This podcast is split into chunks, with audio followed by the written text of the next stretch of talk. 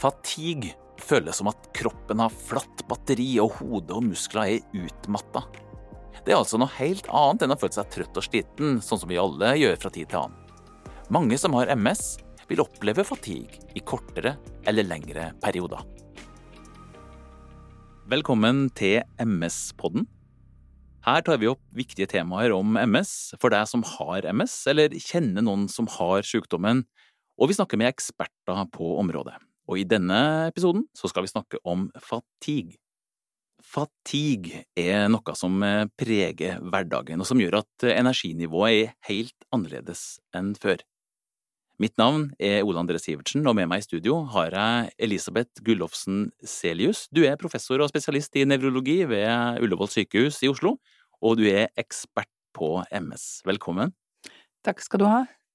Jeg har jo noen øh, venner som også har fatigue, og, beskrivelsen som de gir meg, er jo at fatigue er noe helt annet enn å være bare trøtt og sliten, sånn som vi som ikke har en diagnose, føler det. Kan du si litt om hvor ille det egentlig det er? Fatigue kan være alt fra et lite problem til et stort problem. Det er en form for trøtthet som mange beskriver som en trøtthet du ikke kan hvile deg vekk fra. Mm. Som en mangel på, kall det energi, batteriene er tomme eller mm. flate. Og du skulle egentlig kunne ta deg sammen og orke å gjøre en ting, men det bare klarer du ikke. Eh, er vi trøtte og slitne, så kan vi ta oss sammen og gjøre mm. noe, mm. men en som virkelig er plaget med fatigue, kan ikke det. Så det er noe helt forskjellig fra en vanlig trøtthet eller slitenhet. Og så går det ikke over. Det er jo kanskje det som er det, det som er mest frustrerende med det? Ja, både og, fordi at for noen så kan de ha fatigue hele tiden. Mm. Mens for andre så kan det svinge. For noen så kan det svinge i løpet av en dag. Mm. For andre kanskje en periode eh, hvor det, de er plaget, og så har de en god periode, og så kan det komme en periode igjen hvor de er plaget. Det kan ha forskjellig lengde. Mm. Og for så vidt forskjellig intensitet. Det som er problematisk med det, er at det er uforutsigbart. Ja, og det er usynlig, så du står der og ser frisk og sprek ut, og så orker du bare ikke. Og sånn som uh, hun jeg kjenner som har det, da, uh, der er det jo Altså, absolutt flatt batteri, som hun sier, da. Altså, det er sånn at uh, du har dusja, klarer ikke å tørke deg ferdig, rett og slett. Du må sette deg ned, eller når du skal gå opp på soverommet for å egentlig legge deg, så må du stoppe halvveis i trappa fordi at da er det tomt. Altså, vi snakker helt flatt batteri. Mm. I verste tilfellene, ja, så er det sånn. Mm. har pasienter som beskriver at de skal ta oppvasken, og så er det én gryte igjen, og den bare orker de ikke. Ja. Og det er jo for de fleste av oss ikke klokt, for du orker jo å ta det sammen, mm. men det bare går ikke. Men det er alle varianter av dette, eh, og det er det som kanskje gjør det vanskelig å forstå for folk. Mm. At mm. for noen så kan det være så uttalt, hos andre så er det ikke så uttalt. Mm. Eh, men det er veldig vanskelig å gripe når du ikke selv er rammet. Nå snakker vi jo eh, fort om fysiske ting her, men det finnes også det at man mentalt er utslitt? Ja da. Er, man kan dele fatigue inn i egentlig to grupper. Det er fysisk fatigue, mm. og det er mental fatigue. Ja. Og noen kan ha det ene, noen kan ha det andre, noen kan ha begge deler. For noen så kan det veksle hva de plages av. Mm. Så de kan være gjennom hele spekteret. Og fysisk fatigue er jo mer det ja, orker du å gå den trappa eller ikke? Eh, eller bortover den strekningen eller ikke? Ja. Mens mental fatigue, du bare orker ikke følge med i samtalen, du blir fjern, detter ut. Eh, de andre har snakket videre når du har tenkt ut hva du skal si, så du svarer god dag mann økseskaft. Uff, ja. Og det er ikke noe sjakktrekk i en samtale. Nei. Så Eller du orker ikke følge med, du mister ting. Mm. Eh, Mister ja. tråden, rett og slett. Ja. Men er det sånn at uh, disse to henger veldig sammen, eller er det noen som er på en måte disponert for den ene, mens andre for den andre? Alle varianter er mulig. akkurat. For å gjøre det ordentlig ja. vanskelig. Ja, akkurat. Mm. I hverdagen, da, når vi snakker om det å ha fatigue, du beskriver det som at det er, alle varianter fins, altså med eh, opplevelsen av det. Hvor forskjellig, når du møter pasienter, beskrivelse kan du få? Jeg tror jeg kan få like mange forskjellige beskrivelser som det er pasienter. Ja. Det er alle varianter, og noen har opplevd hele spekteret, andre har også bare opplevd en liten del av spekteret. Mm. Så det er et enormt spenn. Felles for alle er jo at dette er egentlig et, for de aller fleste, et usynlig symptom. Mm. Så som jeg sa, de kan se friske og spreke ut, Mm. men orker ikke. Og det er vanskelig å forklare hvorfor noen kanskje da har gått på jobb, eh, men ikke orker å delta på en dugnad på ettermiddagen. Mm. Ikke orker å melde seg til ting. Men, men, det Eh. kan være at man går på jobb fortsatt for det om man har fatigue. Og det er mange som er i full jobb Ja. og i full aktivitet, eh, men plages og kanskje ikke orker da de tilleggstingene. Mm. Og så er det noen som ikke er i jobb. Ja. Og fatigue er jo kanskje det symptomet som er det tøffeste, for det medfører redusert livskvalitet. Man Mm. orker ikke utfolde seg. Og det er et av de hyppig, eller en av de hyppigste årsakene til uførhet. At man altså ikke fungerer i jobb. Men da, så det betyr at her så snakker vi om folk som eh, kan gå på jobben, kanskje ikke kollegene vet om det heller. Absolutt. Og så har vi til de som ikke orker å gå opp den trappa, eller eh, ja, Ja. man klarer å være i et rom med lys eller lyd i. Eh, Ja. Når vi snakker om det mentale, så må jo det være veldig slitsomt i en yrkessammenheng, da, at man eh, plutselig ikke strekker til. veldig tøft, fordi at Og det er jo mange som kanskje kan fungere ganske godt hvis de kan sitte for seg sjøl Mm. alene og jobbe i sitt tempo, men arbeidslivet er jo slik i dag at det er de færreste jobber som kan tilrettelegges sånn. Mm. Vi ser at ganske mange pasienter ville fungert bra hvis de hadde en jobb alene, men i et kontorlandskap eller i et setting med jobbe sammen med andre, stadig utsatt for input i alle retninger, Mm, mm, så er det veldig vanskelig, og da kan de ikke fungere, da blir de uføretrygdet. mm.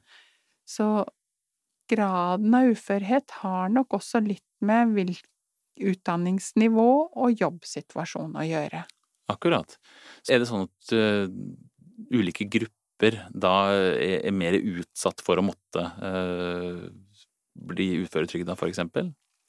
Dette har vi ikke mye tall på, Mm. men i noen grad så er det klart at hvis du har en høyere utdanning, kan fungere med et hjemmekontor, Mm, for eksempel, kan jobbe litt etter hva du orker, så kan du kanskje fungere i en deltidsjobb. Ja.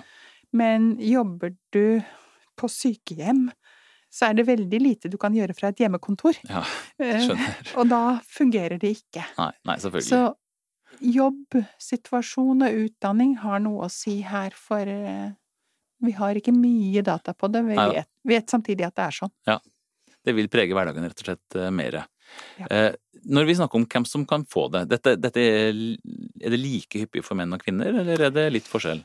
Fatigue generelt i befolkningen er litt hyppigere hos kvinner enn hos menn, Mm. og det ser sånn ut ved MS også at det er litt hyppigere hos kvinner enn hos menn, men i utgangspunktet alle kan få det. Ja.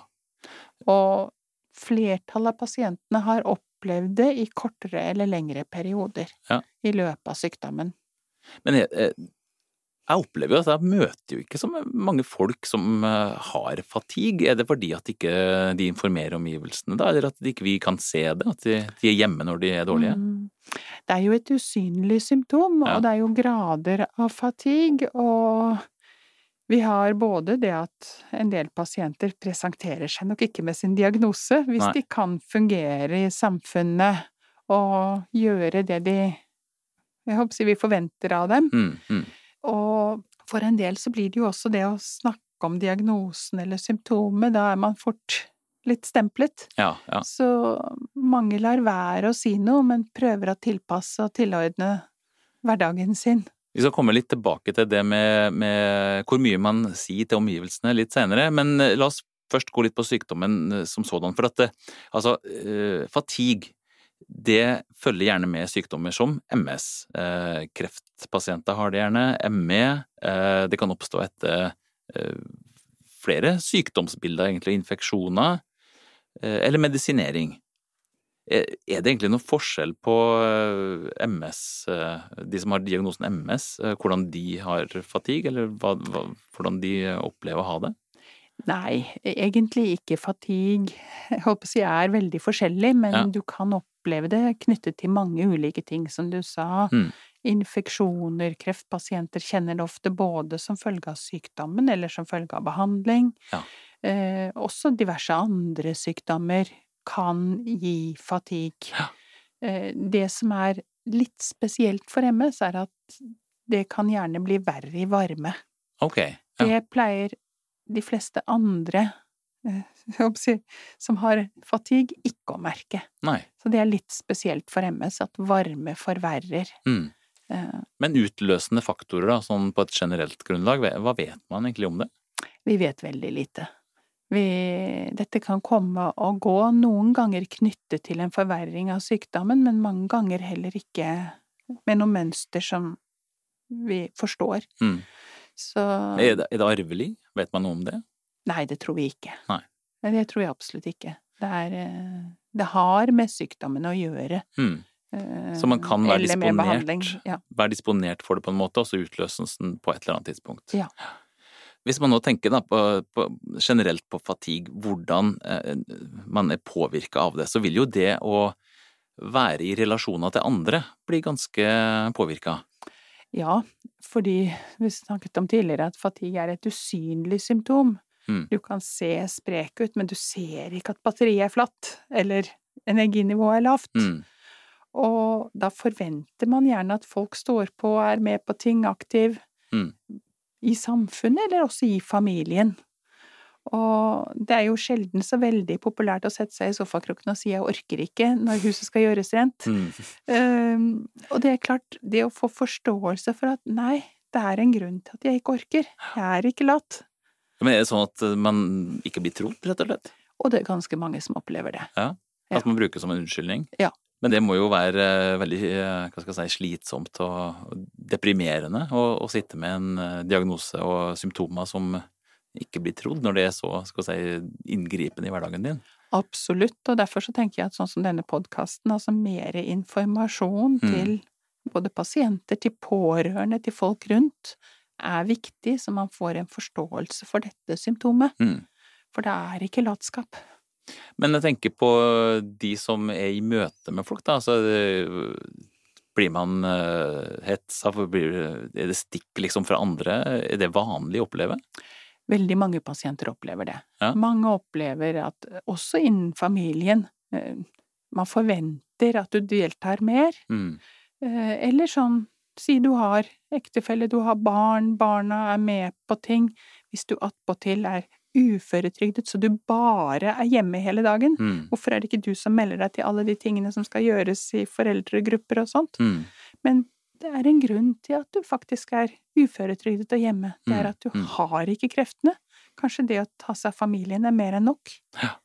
Og du er ikke lat. Men det er ikke lett å formidle det. Nei, jeg skjønner veldig godt det. Altså, jeg tenker jo ehm, Jeg syns jo sjøl det er vanskelig å forklare ungene mine når eh, jeg ikke orker å være med på noen ting, og da tenker jeg hvis det hele tida skjer, eh, at du må forklare at mamma eller pappa ikke kan være med, så mm. må jo det også gjøre noe med forholdet til f.eks. for eksempel barna, da. Jeg tror jo at barn ofte forstår ganske mye. De lærer, de lærer sine foreldre å kjenne, sin mm. mor eller far. Mm. Kan kanskje faktisk være litt vanskeligere for ektefeller, og spesielt fordi det kan være uforutsigbart. Så en dag så orker man kanskje masse, mm. og så neste dagen så orker man ikke. Eller man orker tidlig på dagen og ikke sent på dagen. Og det å forstå de svingningene er nok vanskelig. Men hvordan kan dere forberede de på den prosessen? da? Altså At de må, kanskje må jobbe på andre arenaer, da, rett og slett, for å bevare forholdet til uh, familien? Vi snakker om det, og mm. vi prøver å informere om det. Og så tenker jeg at brosjyrer, informasjonsmøter, podkaster mm. Det å bringe informasjon om hva dette er, Sånn at man får forklart at det er ikke latskap og vrangvilje. Mm. Det er noe som gjør at man ikke får det til, mm. enda man så gjerne vil. Men det er vel, jeg ville tenke meg da, at det var veldig lett å prøve å presse seg for at man skulle være med da på en eh, skoleavslutning eller eh, et bryllup for den saks skyld. Altså, de anledningene som man så gjerne mm. ønska å være med. Men jeg forstår deg egentlig dit hen at det bør man nesten ikke gjøre, da? Både ja og nei. Ja. Eh, fordi at eh, det er viktig å, kan du si, økonomisere med den energien man har, mm. slik at hvis man skal noe, så at man kanskje prøver å gjøre lite akkurat i forkant, slik at man sparer den energien til det evenementet. Ja. Og at man da kanskje aksepterer, si at man skal på en skoleavslutning, at man da ikke skal klare tre andre ting den dagen. Da er det det man skal den dagen. Ja, akkurat. Eller skal man være med i et bryllup, så går det an å være med, men man behøver ikke være sistemann hjem og i seng. Mm. Da får man faktisk med seg ganske mye. ja. Men, men, det er akkurat som at du har, altså, du har helt flatt batteri, du får ikke gjort Det er ikke noe lys i lyspæra, for å si det sånn, og så kan du spare opp bitte lite grann, så du får brukt det akkurat i det du har lyst til å være med på. Det, man må være så disiplinert, egentlig. Ja, altså for noen så er det jo slik at batteriet kan være tomt, for andre så er det bare lavt. Ja. Og så blir det hva skal du bruke den energien du har til, mm, mm. og så velge det ut med omhu. Men da skal man jo begynne å kjenne kroppen sin og, og sykdomsbildet, da, for å kunne gjøre det. Det er riktig, og noe av utfordringen er at dette kan veksles, og ja. en dag så har man ganske fullt batteri. Og neste dag så er det tomt, og tredje dagen så er det halvt. Ja. Og så vet du ikke riktig hva som er hva. Men veldig mange lærer jo etter hvert å håndtere dette. Mm. Eh, men det er litt prøving og feiling og gå på nesa innen man lærer seg å kjenne. For det svinger altså så både individuelt og fra dag til dag og eh, fra tid til tid, skal du si, fra måned til måned? Nettopp, og det er en utfordring. For noen så svinger det ikke så mye, men for andre svinger mm. det veldig mye. Mm. Så det er veldig mange varianter. Hvis man skal snakke med de rundt seg eh, for å få en felles forståelse for sykdommen, så er det jo vanskelig å planlegge langt fram i tid. Ja og nei. Ja. Eh, man må, tror jeg, med, kan du si, med MS, med fatigue, ja. ta utgangspunkt i hvordan har jeg det her og nå, mm. og så må man tenke fremover.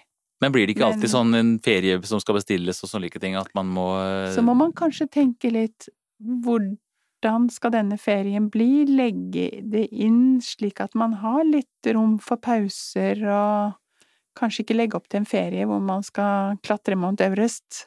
Det er dumt. Mm. Men at man skal klare de tingene, men har noen dager innimellom til å hvile og ja. Så tilpasse litt til hva man tenker er realistisk. Så det å leve best mulig med sykdommen er jo egentlig da at du bare må gi det tid til å bli kjent med den, og hvordan du skal legge opp både hverdagen og høytida for at det skal bli levelig for både deg sjøl og de andre rundt deg? Absolutt. Trening, for å ta det, er det bra å presse seg her? Altså, skal man trene, eller skal man bare prøve hele tida å samle overskudd? Man skal trene. Ja. Altså, studier har vist at fysisk aktivitet, trening, mm. er noe av det som faktisk hjelper på fatigue. Mm. Slik at det å trene regelmessig reduserer graden av fatigue. Og det er ikke noe farlig å trene. Man kan egentlig ikke få tatt i for hardt. Nei. Så du gjør ikke noe galt hvis du tar i. Nei. Du gjør heller noe galt hvis du gjør for lite. Hvis du sitter i sofaen og tenker at det er skummelt å trene. Ja. Og så er det jo sånn for de fleste som skal begynne å trene, at det er litt tungt i starten, mm. men når du kommer i gang, så går det lettere. Og mange kan ha nytte av å trene for eksempel tidlig på dagen, når okay, de har ja. krefter. En del opplever faktisk at hvis de går og trener før jobb, så presterer de mye bedre på jobb gjennom dagen og har mer overskudd på ettermiddagen. Akkurat. Mens det å trene etter jobb, da er man sliten, da orker man ikke, da, da blir det mye tyngre. Ja, ja, ja. Det ligner jo på en måte på, på trening for oss eh, som ikke har eh, symptomer også, men, eh, men, bare i en annen målestokk, da. Absolutt, og det er egentlig et, en god måte å beskrive det på. Det er bare mye mer utpreget. Det alle kan kjenne litt snev av av og til. Ja. Du, jeg må si at uh, jeg unner ingen uh, fatigue, det, sånn som du beskriver det. Så jeg er glad så lenge jeg har den energien jeg har, selv om jeg kan også være utslitt fra tid til annen. for å oppsummere det vi har snakka om, da. fatigue er ikke å være trøtt og sliten, men å være totalt utmatta over tid. Men det svinger veldig fra gang til gang og fra person til person. Og det er viktig å lytte til kroppen og porsjonere ut den energien du har. For de fleste så er ikke fatigue en konstant tilstand, men kommer i perioder. Og så har vi at det lønner seg å være åpen med de rundt deg, sånn at dere får en felles forståelse for fatigue og kan leve best mulig sammen. Og så til syvende og sist, fatigue handler ikke om om man vil eller man har lyst til eller latskap eller sånne ting. Nei, og så er det veldig viktig å trene. Nettopp. Tusen takk for at du var med oss i studio, Elisabeth Gullofsen Selius. MS-podden er i regi av Biogen, og jeg avslutter med å minne om at ved å abonnere på MS-podden kan du høre oss ta opp flere problemstillinger om viktige temaer om MS, forklart av folk med spesialkompetanse. Jeg heter Ole André Sivertsen. Takk for denne gang, og på gjenhør.